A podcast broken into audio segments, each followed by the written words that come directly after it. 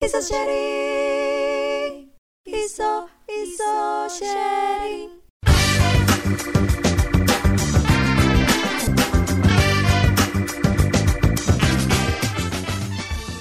Cintamu serasa permen nano-nano. Halo Sobat Mafioso, Kembali lagi di Iso Sharing episode 3. dengan saya Uki Dan saya Amelia. akan menemani kalian untuk beberapa waktu ke depan. Di sini kita nggak hanya berdua nih. Kali ini kita kedatangan tamu yang sangat spesial dan tentunya keren-keren sewarga komplek Mafioso. Kali ini kita kedatangan tamu kakak-kakak PH dan staf muda Mafioso. Yeay. Yeay, halo Mas Jaki, halo Mbak Mira, halo Syawal. Selamat datang di Iso Sharing. Halo, halo, halo. Kayaknya Kak Amel, kalau belum berkenalan nih, belum lengkap kayaknya nih. Boleh nih langsung perkenalan dulu kali ya. Dari Mas Jaki, boleh silakan perkenalan nama di Mafioso sebagai apa dan dari prodi apa. Silakan Mas Jaki. Oke, kalau kata orang tak kenal maka tak saya. Perkenalkan semuanya, namaku Syarif Ahmad Zaki. Aku dari Perpajakan Angkatan 2018. Eh, di Mafioso aku menjabat sebagai Ketua Divisi Cabang Olahraga Basket. Salam kenal semuanya. Salam kenal Mas Jaki. Selanjutnya nih ada Mbak Mira. Halo Mbak Mira. Halo semuanya, kenalin namaku Amira Hasna Sabira, biasa dipanggil Kak Raisa. Di tahun ini aku menjabat sebagai Ketua Divisi PSO. Aku Administrasi Publik 18. Halo, salam kenal Mbak Raisa. Halo Mbak Raisa. Ya, salam kenal semuanya. Kalau misal kalian butuh penyanyi di acara kalian, nanti langsung aja ya kontak ke IG ku. Oke, oke, oke, oke. Bisa masuk list nih buat yang butuh penyanyi. Selanjutnya ada dari staf muda nih. Halo Syawal. Halo, halo. Perkenalan dulu dong. Oke, langsung aja. Kenalin, nama aku Syawal Cesar Putra Ferdianto dari Pajakan 2021. Di Mafioso, aku diamanai sebagai staf muda divisi bulu tangkis. Oke, halo Syawal. Halo Syawal. Nah, kita udah kenal-kenalan nih sama GS-GS kita. Mungkin langsung aja kita eh, kupas kehidupan mereka selama di Mafioso.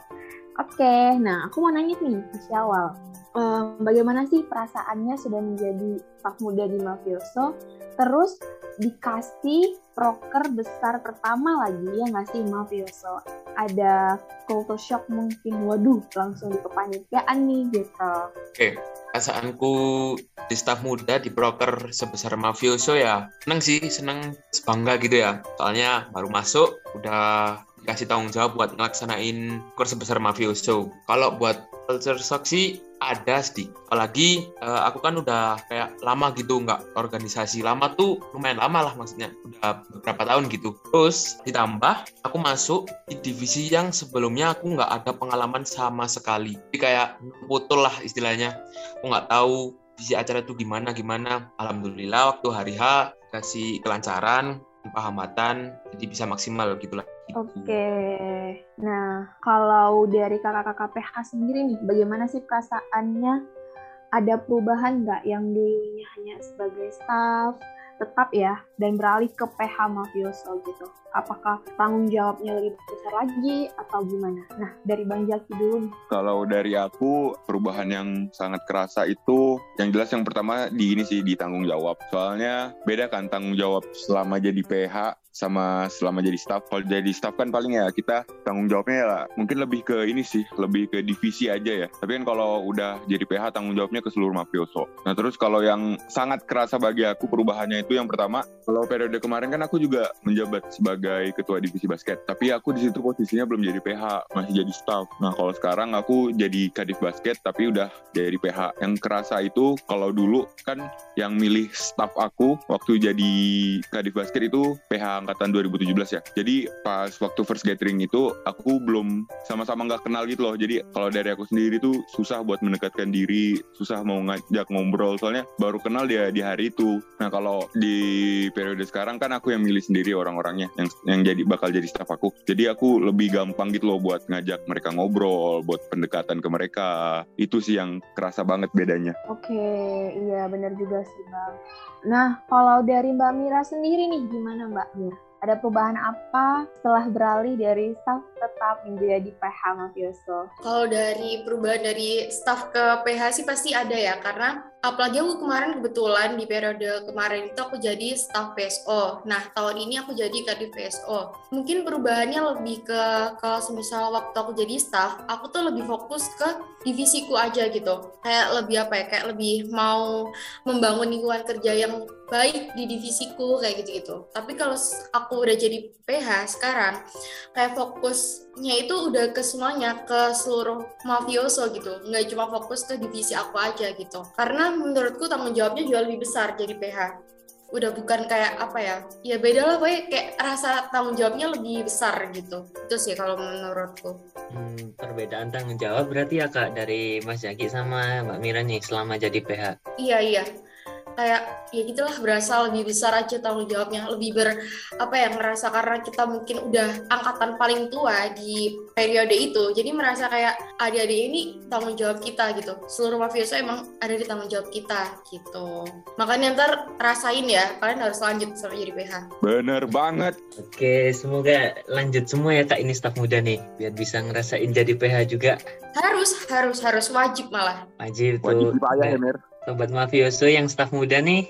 Tuh dengar kata Mbak Mira sama Mas Jaki kan wajib lanjut. Oke eh, aku mau tanya ke Mbak Mira dulu nih. Udah deket belum sih kak sama staf mudanya PSO udah sempat ketemu juga belum? Kalau sama staf muda BSO sih alhamdulillah kita udah pada deket ya. Karena mungkin juga ada beberapa kayak sebenarnya bukan forum sih apa ya kayak di luar proker mafioso kita kadang kayak sering nonton bareng kayak gitu. Terus kayak kita zooman tapi zooman zoomannya itu cuma sekedar kayak ya udah kita mau sharing sharing aja kayak gitu kalau ketemuan udah pernah udah pernah karena kebetulan staf budaya PSO itu semuanya orang Malang. Jadi kayak lebih gampang aja ketemunya. Berhubung aku juga lagi di Malang. Terus waktu itu juga sempet kan kita kayak main-main sama staf mudanya. Kamu juga ikut kan Ki waktu itu? Iya, kemarin sempat ikut juga sama kakak-kakak, sama Mbak Mira, sama Mas Jaki juga sempat ikut, sama Mbak Gesa juga. Iya iya iya. Cuma kemarin aku sebenarnya udah males sih waktu kita kumpul sama anak dua satunya tuh. Karena ada sesar kayak aduh ada sesar males banget tapi kayak ya demi bertemu dengan staf muda PSO aku kayak oke nggak apa-apa Mir ayo kita datang kayak gitu Agak masa ya kak. Kalau Mas Jaki gimana nih Mas Jaki? Udah deket belum sama staf mudanya? Jelas banget udah dekat dong Ki. Apalagi kemarin divisi basket semuanya pada ngumpul di Malang kan. Jadi pada nyempetin waktu buat nongkrong bareng gitu. Waduh, udah full tim kayaknya nih ya Mas. Uh, jelas banget Ki. Divisi pertama yang full tim loh. Wah, siap, siap, siap.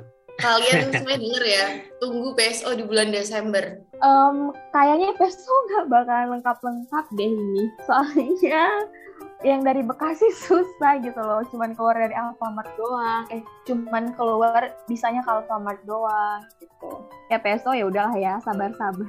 Enggak Mel, jadi kita sebenarnya udah membantu Yasmin untuk membuat sedikit strategi. Jadi kalau nanti udah mentok dia nggak bisa keluar, dia mau kabur dari rumah. Jadi kita udah harus siap-siap aja rumah untuk Yasmin kayak gitu. Oke, kabur untuk PSO. Widih, solid banget ya. solid. Di dari divisi itu semua yang paling solid kayaknya basket deh. Sebelum ada staff muda komplit, ada staff muda komplit. Oke, keren. Selalu full tim gitu ya kak kalau basket. Iya kadisnya keren sih. Ini Siapa dulu kadisnya? Tolong sebutin nama kadisnya sekarang juga. Kita rada sakit hati dikit ya. tolong ya PSO, solidnya itu diserahkan ke basket saja. Nggak, nggak bisa. Basket nih bos. Basket nih bos, senggol dong. Kita sebenarnya solid, kita pada akrab. Cuma ya di belakang itu kita emang anaknya nggak mau ngumbar aja gitu. Nggak mau apa Oke. nggak bisa? Iya bener. Oke, kalau dari pengalaman kayak kayak PH gitu nih. Kalau dari Syawal gimana nih staf muda? Udah deket belum sama teman-teman staf muda dari kakak-kakaknya juga gimana Syawal? Oke, kalau dari aku pribadi sama staf muda sih udah lumayan deket ya. Eh, soalnya waktu itu yang di Malang, staf muda staf muda yang di Malang tuh udah pada kumpul-kumpul gitu loh, ketemu ngopi, ganda ngobrol gitulah sampai malam. Nah dari situ sih eh, kita udah membangun membangun apa ya? Membangun hubungan sebagai keluarga mafioso kalau menurut aku.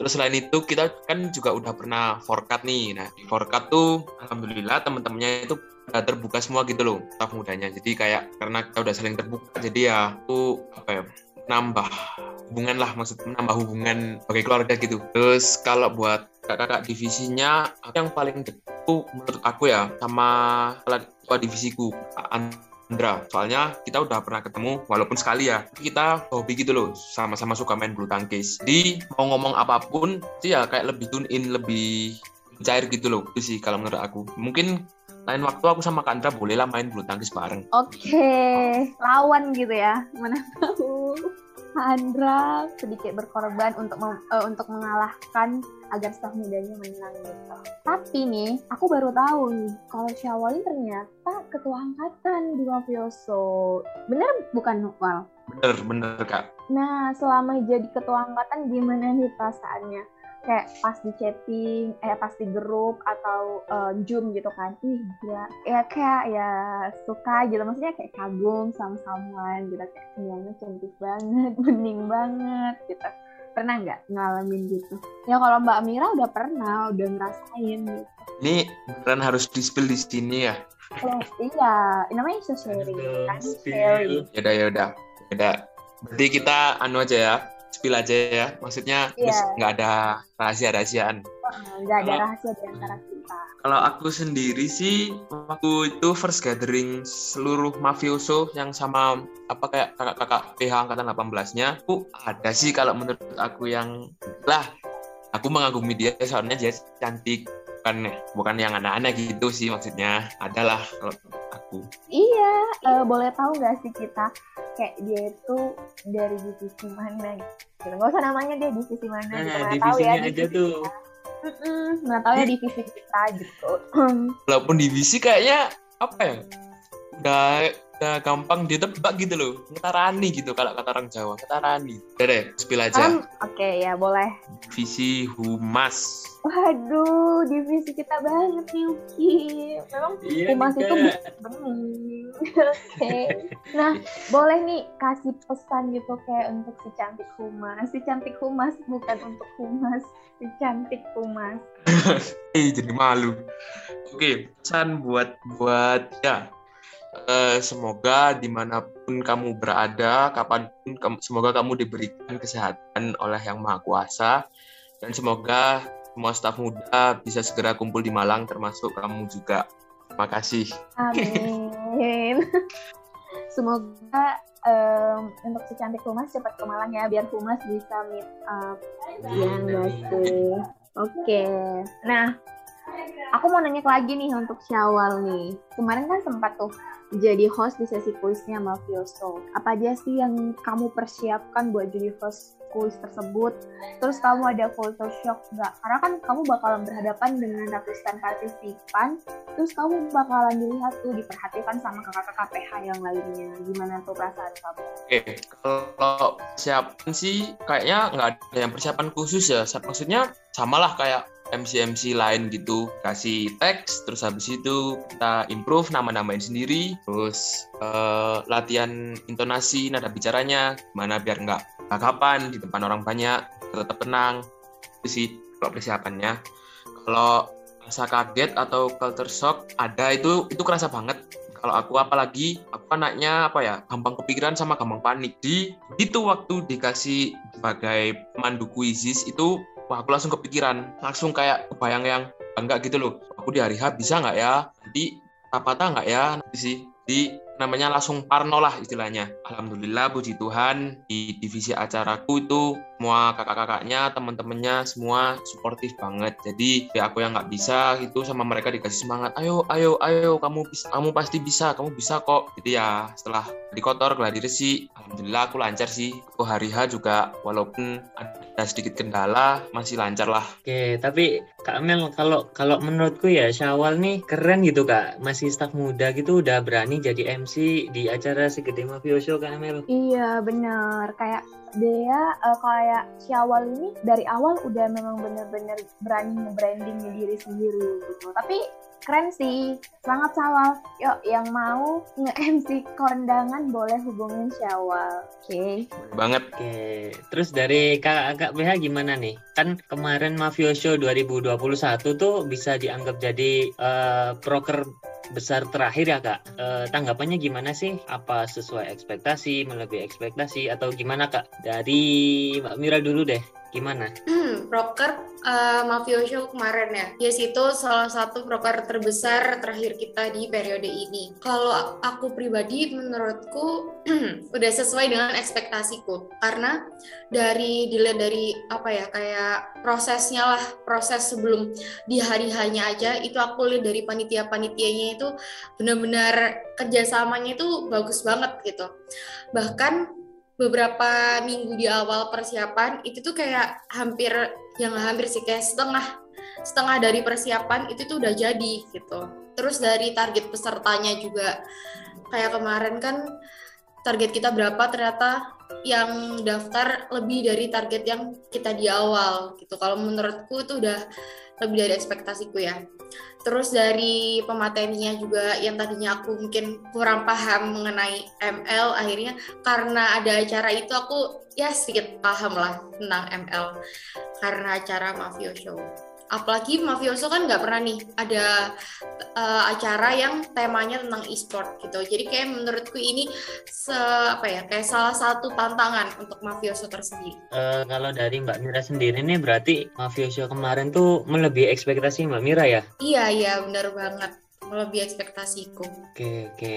Kalau dari Mas Jaki gimana nih, Mas? Melebihi ekspektasi juga nggak kalau menurut Mas Jaki? Kalau dari aku pribadi sangat melebihi ekspektasi sih. Karena dilihat dari antusias pesertanya, terus juga lihat dari cara bicara pembawa materinya, itu kayak ini memang mantep sih. Apalagi kita tahu kan eh, e-sport kan memang lagi booming-boomingnya kan di Indonesia. Jadi ya sangat melebihi ekspektasi lah kalau dari aku sendiri. Oke, kalau dari Mas Jaki juga melebihi ekspektasi gitu ya. Eh, Mas Jaki ngikutin nggak sih e-sport gitu, Mas? Kemarin pas dengerin tuh. Kalau ngikutin e-sport enggak sih, aku nggak nggak nggak paham paham nggak terlalu paham banget eh, soal e-sport. Tapi ngelihat pembawa materinya kayak Kolius, terus Cortez ngejelasinnya dengan gampang, enak. Jadi ya, orang-orang awam kayak kita yang nggak terlalu paham tentang e-sport tuh, at least bisa paham lah apa yang mereka jelasin gitu. Oke, setuju sih Mas. Aku kemarin juga gitu ngerasanya padahal nggak apa namanya nggak terlalu ngikutin e-sport tapi bisa menerima eh, materi yang disampaikan gitu loh Mas. Jadi Iya. nambah pengetahuan juga.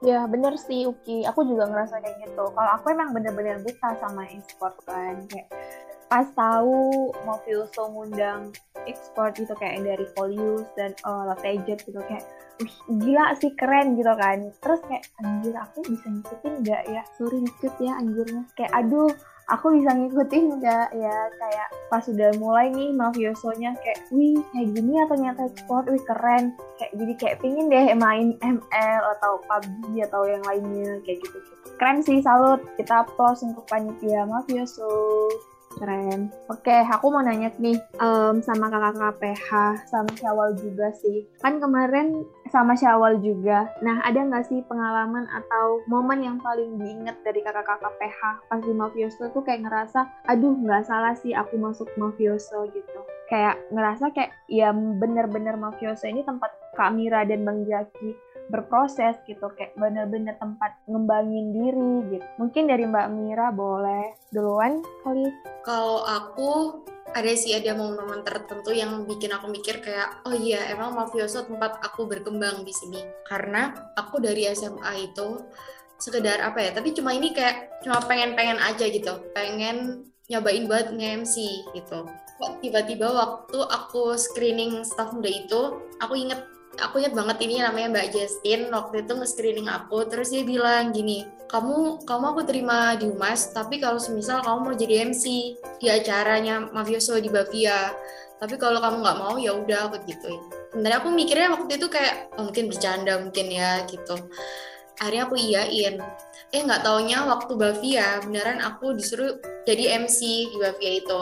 Yang di mana aku sama sekali belum ada pengalaman buat nge-MC nah dari Bavia itu akhirnya aku beberapa kali disuruh jadi MC di acaranya Mafioso. Nah dari situ mungkin ada temanku yang tahu akhirnya aku sempat disuruh jadi MC di acara SMA aku gitu. Yang tadinya aku nggak berani buat coba jadi MC atau kayak gimana karena di mafioso akhirnya aku berani buat coba itu jadi aku ngerasa kayak ah nggak salah ini aku masuk mafioso kayak gitu sih Iya, bener sih Mbak. Jadi kita bisa ada tempat atau wadah untuk nge-branding diri ya. nah iya ya benar-benar Oke. Nah, kalau dari Bang Jaki sendiri gimana nih Bang tanggapannya? Ada ngerasa gitu nggak? Aduh nggak salah sih. Kayak Mafioso itu bener-bener tempat aku berproses. Ada sih, cuman mungkin aku bakal ceritain dulu ya awal kenapa aku masuk mafioso. Oke, boleh Bang. Jadi eh, dulu kan pas eh, yang jadi kadif basketnya itu angkatan 17 kan dia bentar lagi mau demis tuh. Nah terus dia tiba-tiba nyamperin aku selesai latihan. Terus kayak ngasih tahu Jak kan bentar lagi mau demis nih. Kalau misalnya periode depan kamu yang jadi kadif basket gimana? Waduh aku kayak bilang ya udah mas ntar aku pikir-pikir dulu. Eh, sebenarnya tuh aku tuh tipe orang yang nganggep kayak ngapain sih harus ikut organisasi, ngapain sih harus ikut kepanitiaan, mending aku kuliah terus basket aja gitu. Nah sampai Mas yang tadi ngomong kayak gitu ya mau nggak mau aku daftarkan eh, jadi kadif basket. Itu kenapa aku terpaksa ngedaftar karena soalnya dari angkatan 15, angkatan 16, terus angkatan 17 juga kayak ngepak maksain aku buat jadi kadif basket gitu loh. Soalnya mereka bilang daripada yang jadi kadif basket ntar anak yang nggak terlalu ngerti basket, mendingan kamu ngerelain diri aja. Ibaratnya aku tuh jadi tumbal gitu loh Mel. Oke, iya paham Bang. Terus ya dari pas aku pas aku udah masuk pun aku masih berpikiran aku di mafioso cuma jadi sebatas ketua divisi basket nggak lebih. Jadi aku kayak ya udah aku bakal ngurusin basket tapi kalau misalnya mafioso ada acara lain aku nggak bakal join. Sampai di suatu saat sampai di suatu saat itu posisinya aku baru kelar kuliah terus masih mau nunggu kelas eh, gara-gara ada gap bentar itu aku bingung kan mau ke mana mau balik ke kos mager. Terus ya udah aku mikir apa aku ke sekre aja kali ya? Tapi eh, mau ke sekre nggak belum kenal semua orang. Terus aku ngechat nih kebetulan yang aku chat Mira waktu itu. Aku ngechat Mir kalau aku tidur di sekre boleh nggak sih? Terus pas Mira bilang boleh. Ya udah hari itu aku langsung ke sekre eh aku nggak tahu aku jadi kayak gimana ya kayak ngeblend gitulah istilahnya sama sama anak-anak yang lain sama waktu itu sama kakak-kakak yang lain juga. Nah mungkin dari dari hari itu sampai sekarang aku malah yang awalnya kayak terlalu kayak terpaksa gitu makin ke sini malah kok nyaman kok kayak enak di mafioso mungkin itu sih yang aku rasain Oke, benar-benar. Dari kenyamanan ya Bang mulainya. Oke. Hmm. Kalau dari Syawal sendiri nih sebagai staf muda, em, ada ngalamin momen kayak gitu gini nggak kayak aduh memang mafioso tempat aku berproses gitu beberapa bulan kamu sudah ngejalanin staf muda di mafioso Eh, kalau momen ini sih kalau menurut ya itu yang jadi pemandu puisi kemarin itu. Soalnya itu kan aku kayak udah bener-bener awam banget gitu loh sama ini mau ngapain ya jadi pemandu? Ini gimana ya? Aku public speakingku juga jelek banget gitu loh kah istilahnya. Nah di situ setelah apa namanya setelah latihan berhari-hari lama-lama kok ya bolehlah. Aku kayak nyaman ini jadi di public speaker. Ternyata lumayan lah nggak seburuk yang kupikirkan. Kayak ada apa ya rasa-rasa tanduin lagi gitu loh. Jadi kayak nambah jadinya. Kayak ya salah sih aku milih mafioso. Karena di awal aja udah bisa berproses banget gitu loh. Depannya apalagi mungkin dapat proses yang lebih banyak lagi. Oke, berarti kamu di mafioso staff, apa namanya staff muda nih udah ngerasain gitu ya Syawal? Proses berkembang gitu. Banget. Tapi ya Ki em, aku penasaran nih sama Syawal.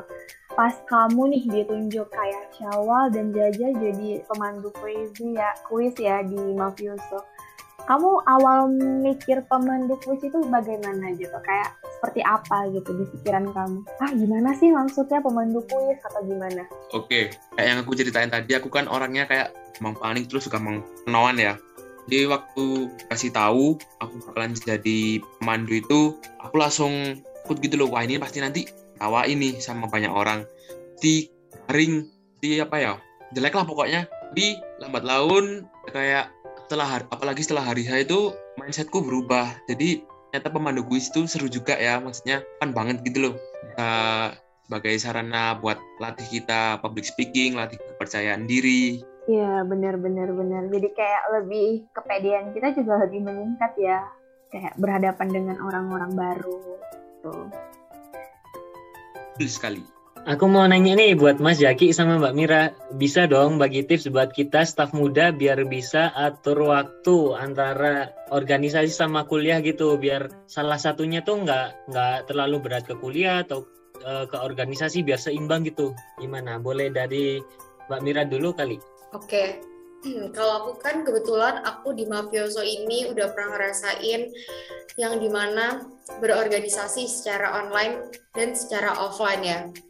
Kalau semisal secara offline mungkin aku lebih ambil jam kelas itu di pagi hari sama di siang gitu. Jadi sisanya sore sampai malam itu buat organisasi, buat mafioso.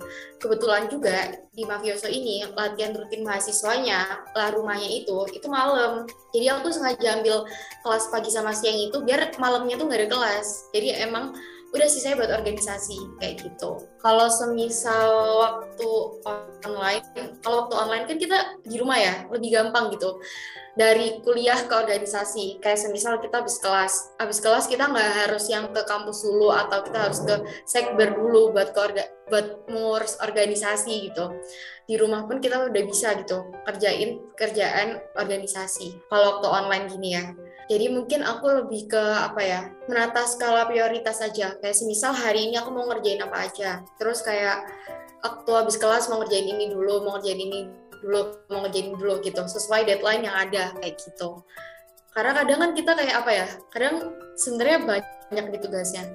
Tapi kita sendiri juga bingung mau ngerjain yang mana dulu gitu. Maka dari itu kadang aku bikin to-do list itu. Itu sih kalau dari aku. Oh, berarti skala prioritas penting banget gitu ya kak, biar nggak keteteran sama organisasi sama kuliah. Iya, iya benar-benar. Oke oke. Mas Jaki gimana nih tipsnya selama organisasi sama kuliah? Kalau dari aku mungkin agak berbeda dikit sama Mira. Kan mungkin samanya aku sama Mira sama-sama pernah ngerasain lagi di kondisi offline sama di kondisi online ya. Kalau di kondisi offline kan, kalau Mira kan tadi dia bilang cuma waktunya cuma ada buat kuliah sama organisasi. Nah kalau aku kan di sini sebagai student atlet ya. Jadi aku di sini eh, kebagi jadi tiga gitu loh Ki, antara kuliah, organisasi sama basket. Kalau selama offline itu mungkin beda juga sama Mira. Kalau Mira kan tadi milihnya kelasnya kalau nggak pagi siang. Kalau aku itu lebih milih kelas di siang ataupun sore. Jadi kayak mulai start kelas aku tuh kalau bisa di atas jam 12 lah. Kenapa? Soalnya kan aku kalau latihan basket itu kan selalu malam ya. Dah jadi kalau misalnya aku maksain kelas di pagi, kelas ada kelas pagi, itu ntar jatuhnya aku di kelas malah tidur, malah jadi sebisa mungkin tuh pagi hari itu aku pakai buat istirahat gitu loh, Ki. Nah itu kalau selama offline. Nah kalau selama online kan paling ya organisasi kita kan apalagi uh, Mafioso kan organisasi olahraga ya. Jadi kalau selama online ini nggak terlalu sesibuk offline gitulah. Jadi kalau misalnya pas aku online gini aku lebih lebih beratin prioritas aku ke kuliah sama basket. Nah, tapi bukan berarti aku kayak ninggalin tugas-tugas aku di Mafioso, enggak. Itu mungkin lebih karena kita nggak terlalu sibuk banget di Mafioso. Jadi ya yang organisasinya agak aku kurangin dikit gitulah. Lebih beratin ke kuliah sama basket. Gitu sih kalau dari aku.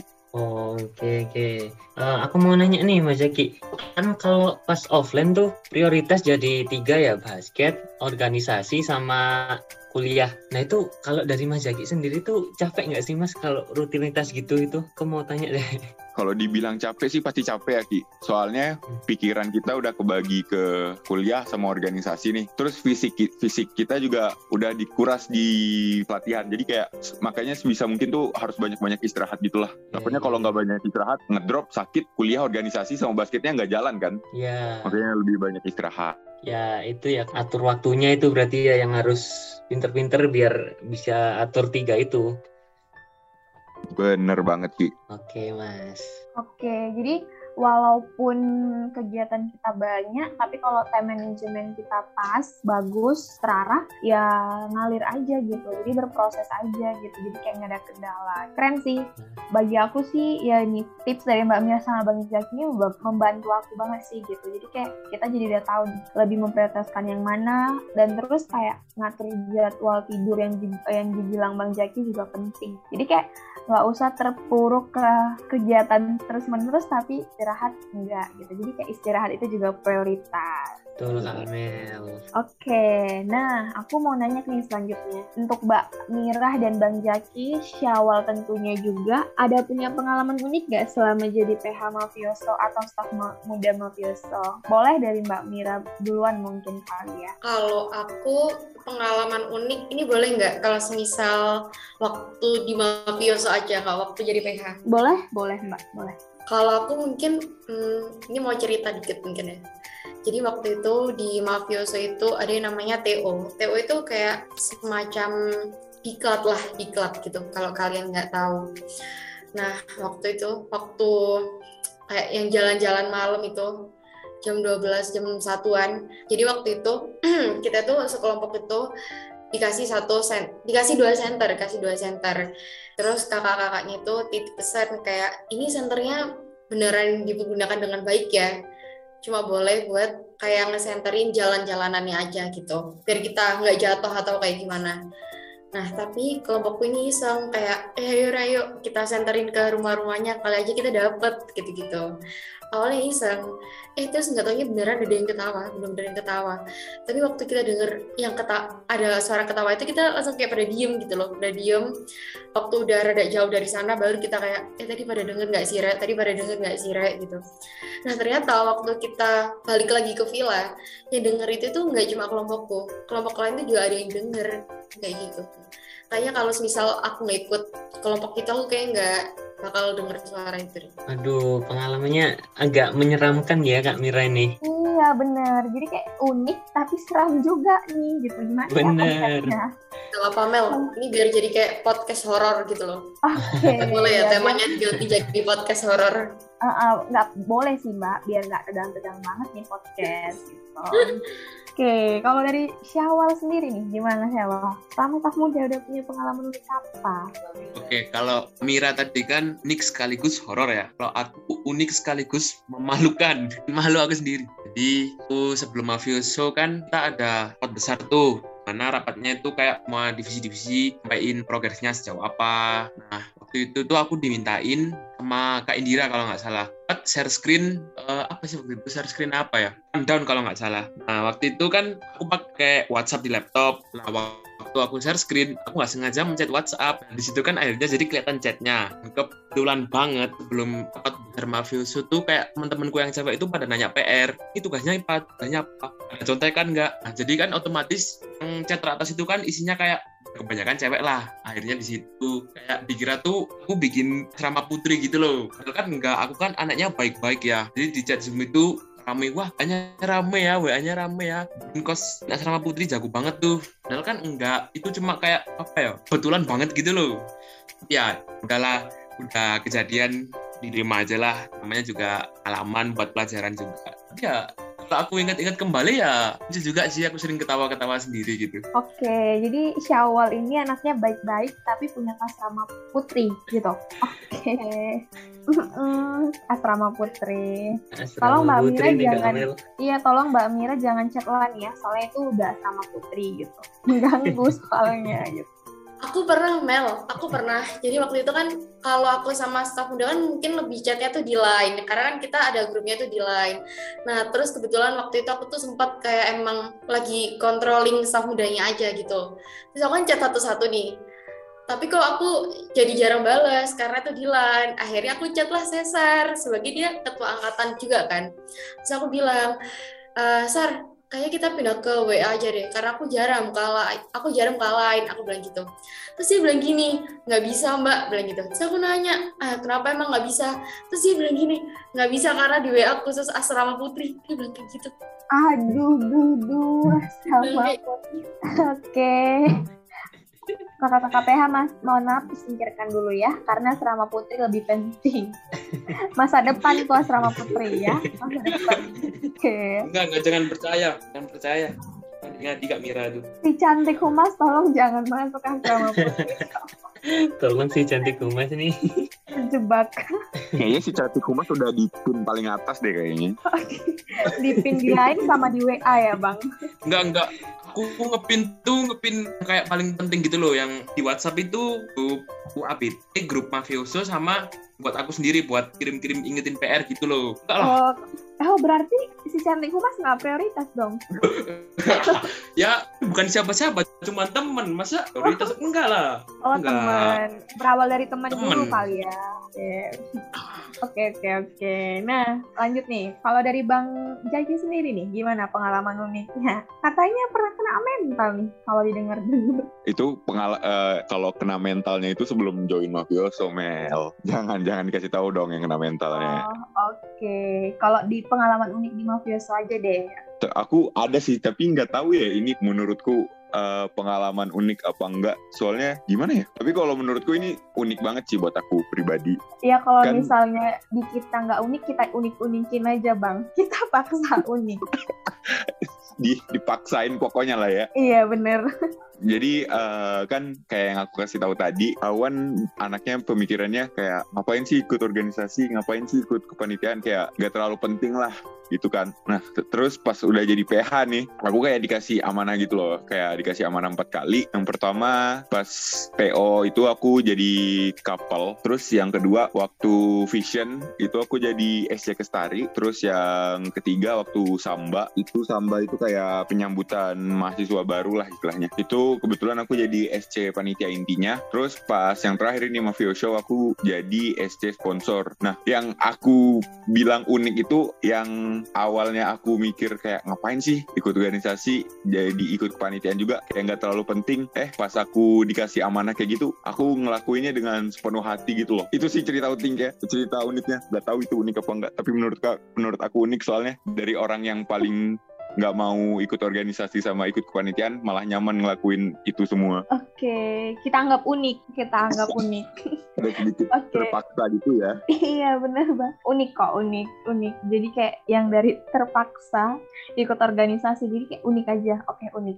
Oke, aku mau nanya nih sama Mas Jaki sama Mbak Mira.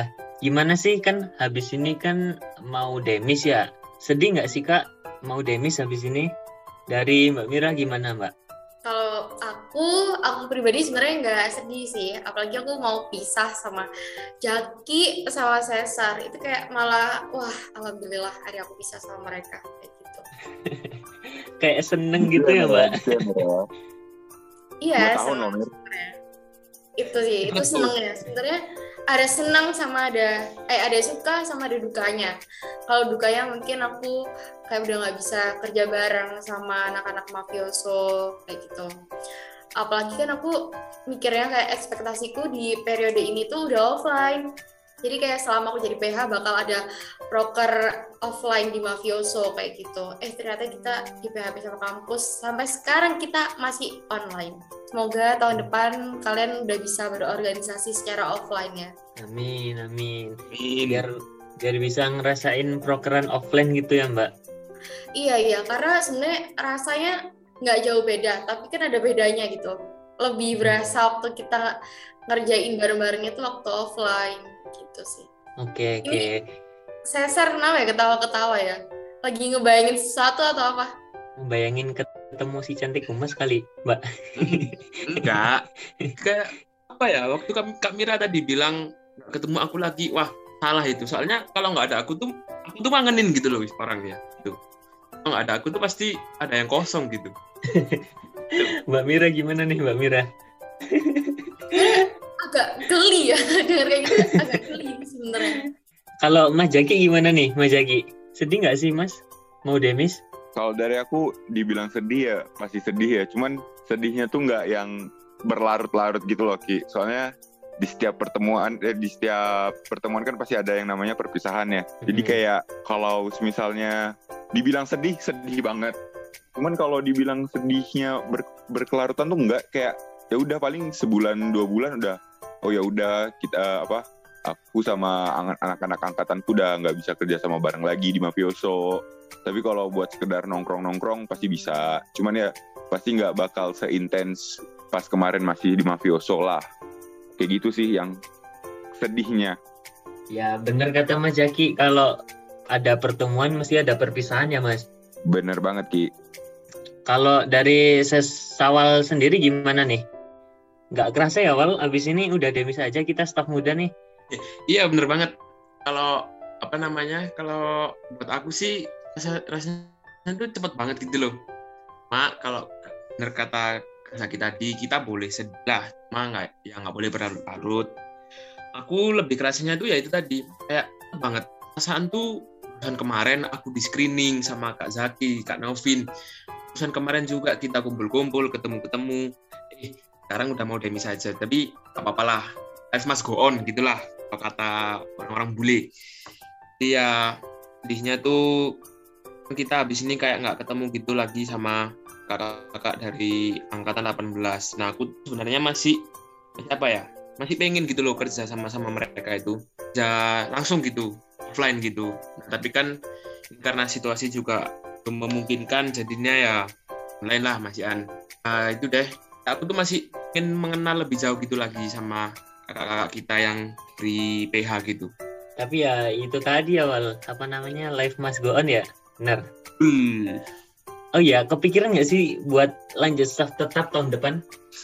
Uh, kalau aku sendiri sementara masih belum kepikiran ya.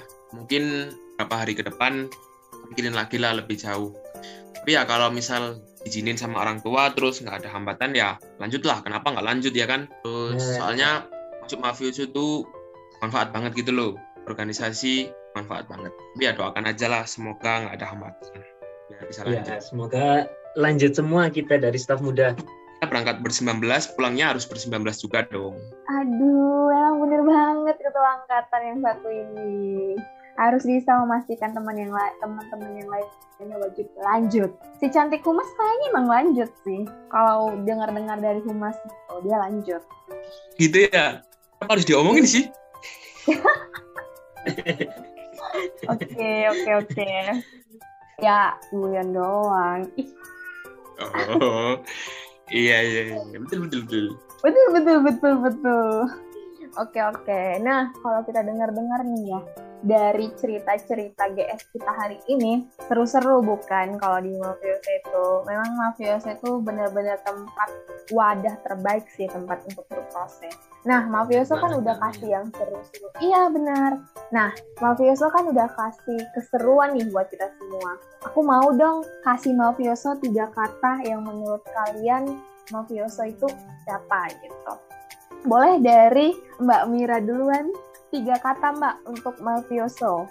Oke, tiga kata untuk mafioso ya. Sebenarnya ini saya sangat-sangat terinspirasi oleh teman saya gitu. Yang kayak dia pernah ngomong kayak gitu, ada kayak, wah iya ini bener banget, ini tiga kata untuk mafioso banget, kayak gitu. Jadi tiga katanya itu tetap menjadi keluarga. Karena kan apalagi mafioso berazaskan kekeluargaan banget ya. Oke, tiga katanya tetap menjadi keluarga. Iya Mbak. Ya. Oke. Kalau dari Syawal sendiri nih, gimana Wak? Tiga kata buat Mafioso. Oke, tiga kata dari aku buat mafioso. Kolega, saudara, keluarga. Dari aku. Aduh, mantap. Nggak jauh-jauh dari keluarga emang kita. Mafioso itu memang benar-benar keluarga. Kalau dari Bang Jaki sendiri nih, gimana? Emang paling bisa kamu ya Mel ya. Save the best for the last. Oh jelas. Tapi kalau dari aku sebenarnya bukan tiga kata sih, lebih ke empat kata. Tambah satu nggak apa-apa lah ya. Boleh, boleh, Bang. Boleh, Boleh, boleh. banget. Kalau dari aku itu rumah dan keluarga kedua. Wow. Waduh, tersentuh saya rumah. Wah, saya keluarga Bang Jaki. Kita keluarga Bang Jaki. Bukan semua tuh keluarga. Yes, benar-benar Bang. Kita ya nggak jauh-jauh sih dari keluarga. Memang mafioso itu kental dengan kekeluargaannya. Bener banget Kak Amel. Aku yang baru berapa bulan di sini aja ngerasa udah deket banget gitu Kak. Terasa banget ya hangat kekeluargaannya. ya. Iya bener banget Kak Amel. Aku mau nanya juga nih se kakak-kakak eh, kesan dan pesan atau suka duka selama di mafioso ada nggak Mbak Mira? Oke, eh, kesan dan pesan untuk mafioso ya. Mungkin kalau kesannya lebih ke karena di mafioso akhirnya aku kayak punya banyak teman, banyak relasi gitu loh. Apalagi mafioso ini kan organisasi yang menaungi seluruh mahasiswa via gitu, nggak cuma di jurusan publik aja atau jurusan bisnis aja kayak gitu. Jadi di mafioso ini isinya tuh bermacam-macam. Ada anak pajak, ada anak pariwisata, anak publik, bisnis, terus perpustakaan, pendidikan gitu semuanya tuh ada gitu. Jadi nambah banyak temen aja gitu yang di luar jurusanku. Kalau semisal pesan untuk mafioso, pesannya mungkin tetap dijaga kekeluargaannya ya. Kalau semisal suka atau dukanya, sukanya ya apa ya? Sukanya karena mungkin ya sama aja kayak tadi itu. Yang aku punya banyak temen di luar jurusanku, terus kayak anak mafioso ini emang anak-anaknya tuh yang kayak gampang gitu untuk membaur satu sama lain. Kayak gitu sih.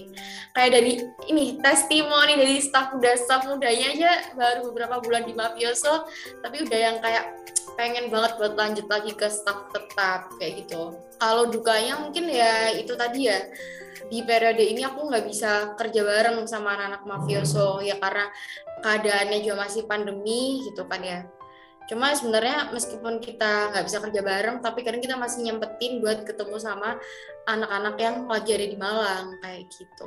Itu sih dukanya lebih dikit ya kalau di mafioso. Makanya semuanya, ayo join mafioso. Yuk yang yang tahun depan mau staff tetap mafioso boleh join nih. Kalau Mas Jaki gimana Mas Jaki? Kesan pesan atau suka duka selama di mafioso ada nggak Mas? Pasti ada dong Ki.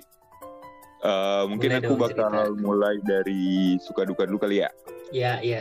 Eh, kalau sukanya itu mungkin eh, dari aku sendiri bisa ketemu banyak orang baru dengan kepribadian-kepribadian yang berbeda. Jadi kayak oh alah ternyata anak-anak tuh banyak yang kayak gini, ada yang kayak gini. Terus aku juga tahu sifat-sifat mereka tuh kayak gimana. Terus juga bisa kenal sama re- banyak relasi lah istilahnya ya, kayak entah sama dari organisasi-organisasi lain, terus kayak bisa sama LF-LF lain juga. Kalau dukanya mungkin sama kayak yang Mira bilang tadi ya pas giliran angkatan aku jadi PH tapi nggak bisa kerja sama karena nggak bisa kerja sama bareng secara offline soalnya masih di masa lalu berekspektasi lah kalau pas kita jadi PH itu bakal ngerasain kerja sama bareng pas offline. Ternyata enggak kan. Baru eh, kuliah offline itu semester depan. Terus kalau kesan dan pesannya kalau kesan yang sangat ngena banget di aku itu kayak di mafioso ini bisa gimana ya bisa merubah pandangan aku terhadap organisasi sama kepanitiaan sih.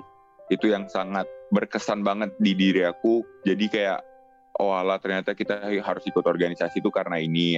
Kita harus nyoba ikut kepanitiaan tuh karena ini. Terus kayak aku juga banyak belajar banyak belajar di sini kayak public speaking. Kan dulu aku memang orangnya agak males terbuka sama orang lain gitu kan. Nah tapi karena udah join di mafioso aku jadi mulai memberanikan diri. Jadi public speaking juga lumayan lancar sekarang. Terus kalau pesannya buat mafioso mungkin bukan buat mafiosonya ya mungkin lebih ke anak-anak mafiosonya apalagi buat angkatan 19 angkatan 20 sama angkatan 21 pesan aku cuma satu kalian semua wajib lanjut di periode tahun depan benar Kamir Benar-benar itu kalau misal lanjut enggaknya itu wajib lanjut, benar-benar wajib. Kalau misal nanti mereka nggak lanjut ya udah nggak usah ditemenin. Kepala jahat ya Jadi ada bercanda. Pokoknya pesannya, pesan yang satu lagi buat seluruh anak mafioso, tolong dijagalah mafioso. Sebagaimana aku sama angkatan aku udah ngejaga mafioso lah. Itu aja sih. Itu untuk sobat iso sharing udah denger kan apa kata eh, Mbak Mira sama Mas Jaki untuk tahun depan wajib lanjut staff tetap. Nah, kalau dari Sawal sendiri nih, ada nggak sih kesan dan pesan selama di Mafioso? Kalau dari aku pasti ada ya, walaupun di staf muda baru beberapa bulan. Yang pertama tuh eh, dulu waktu sebelum screening itu masih apa pengumuman oprek itu aku tuh itu kayak gimana ya? Organisasi yang eksklusif banget gitu loh. Isinya itu kakak-kakak yang kelas atas kaum kaum ya gitulah. Ditambah lagi waktu screening aku di screening sama Zaki. Setelah screening tuh aku cuma berharap moga aja aku nanti keterima terus bisa bertahan lah seenggaknya di mafioso. Nah itu selesai screening terus aku keterima. Kita kan first gathering gitu. Nah setelah first gathering ada kayak ngopi-ngopi kumpul-kumpul. Ternyata tuh apa ya ekspektasiku itu berbanding terbalik. Ternyata kakak-kakaknya tuh ramah-ramah gitu loh. Luwes-luwes Jadi sama lebih muda tuh kayak meng mengayomi banget gitu loh. Apalagi Kak Mira kan sebagai PSO wah itu mengayomi banget. Nah jadi di situ tuh wah ternyata ekspektasiku salah nih. Kayaknya aku bener-bener cocok nih di sini. Jadi syukur banget gitu loh bisa dikelilingi sama kakak-kakak yang seperti itu tadi. Nah buat uh, pesannya kalau dari aku pesan ya ini pesannya buat staf muda aja. Semoga kita semua angkat dari staf muda 19 bisnisnya nanti juga ber-19 juga. Kalau bisa mungkin ada ya ada yang nambah gitu. Bapak lah. Oke ya kalau aku boleh nambahin sih memang ya Bang Jaki ini kalau kita ketemu di awal belum kenal memang agak menyeramkan gitu. Kayak apa ya baru ngomong aja in, nadanya aja serem gitu loh. Paham gak sih? Emang. Bener. Iya gak sih? Kayak aku dulu kemarin masih ingat staff muda pas gue itu itu ada bang Jaki gitu kayak bang Jaki di situ masih gondrong gitu kan. Jadi kayak serem banget gitu kayak aduh kayak diapain ya nanti di mafioso gitu gitu. Tapi ya setelah mengenal lebih dalam lagi uh, kakak-kakak PH mafioso jadinya kayak ya emang bener-bener humble gitu kayak bener-bener keluarga nah untuk staff muda nih 21 wajib lanjut sih kalau kata-kata Bang Jaki dan Mbak Mira nah kita udah nyampe nih ke pertanyaan yang terakhir banget. Nah, aku mau nanya nih, apa sih harapan dari kakak-kakak PH, dari Mbak Mira, dari Bang Jaki, dan Syawal tentunya sebagai staf muda buat Mafioso ke depannya? Boleh dari Syawal duluan kali. Eh, harapanku buat Mafioso ke depannya itu semoga Mafioso tetap solid, kompak, terus tetap apa ya friendly gitulah sama adiknya ataupun orang-orang baru. Terus yang terakhir semoga ke depannya mafioso bisa membuat poker yang sangat-sangat memorable, sangat tah gitu loh. Oke, amin, amin. Tolong ya calon-calon ketum 2020 ya harapan-harapannya didengar. Kalau dari Mbak Mira sendiri gimana Mbak Mira? Kalau dari aku harapan untuk Mafioso ke depannya mungkin semoga Mafioso makin berkembang kayak semisal mungkin bisa lah ya nambah satu divisi lagi divisi e-sport gitu ya. Apalagi kan di tahun ini kita udah nih kayak menjaring atlet-atlet e-sport yang ada di VIA. Nah, bisa mungkin nanti di tahun depan ditambah lagi satu divisi kayak gitu. Terus sama uh, itu apa pun keputusan temannya nanti entah dia lanjut atau dia nggak lanjut tetap apa ya maksudnya kayak dijaga komunikasi sama teman-temannya gitu kalau misal kalian main atau kalian mau kumpul atau apa lagi santai gitu nggak apa-apa ajakin aja teman-temannya meskipun yang udah nggak lanjut itu gitu sih dijaga kekeluargaannya. Oke, ya benar. Amin. Semoga Mafioso tahun depan tambah divisi ya. Amin amin. Nah kalau dari Bang Jaki nih, gimana Bang? Apa sih harapan Bang Jaki untuk Mafioso ke depannya? Kalau harap harapan dari aku kan oh ini nih semester depan kan udah pasti offline ya. Kalau bisa ya harapannya buat ke depannya semoga mafioso bisa balik kerja secara offline lagi biar nggak kerja secara online lagi. Soalnya biar banyak inovasi-inovasi baru lah di mafioso ke depannya terus semoga mafioso tetap jadi organisasi yang aku dan teman-temanku kenal. Dan yang terakhir semoga mafioso tetap jadi organisasi yang berbeda lah dari organisasi lainnya. Udah sih. Oke amin Amin. Sama sih harap harapan kita juga ya Ki, semoga tambah divisi. Terus kita makin solid, kekeluargaan kita tetap terjaga. Kita tetap menjadi keluarga yang harmonis. Amin, amin. Semoga semuanya bisa terwujud ya kak harapan-harapan dari gestar kita kali ini. Iya benar, harapan-harapan gestar kita, harapan-harapan kita semua, harapan di mau penghujung tahun gitu ya, udah mau demis. Nah Uki, wah nggak terasa banget ya waktu kita udah di penghujung aja nih.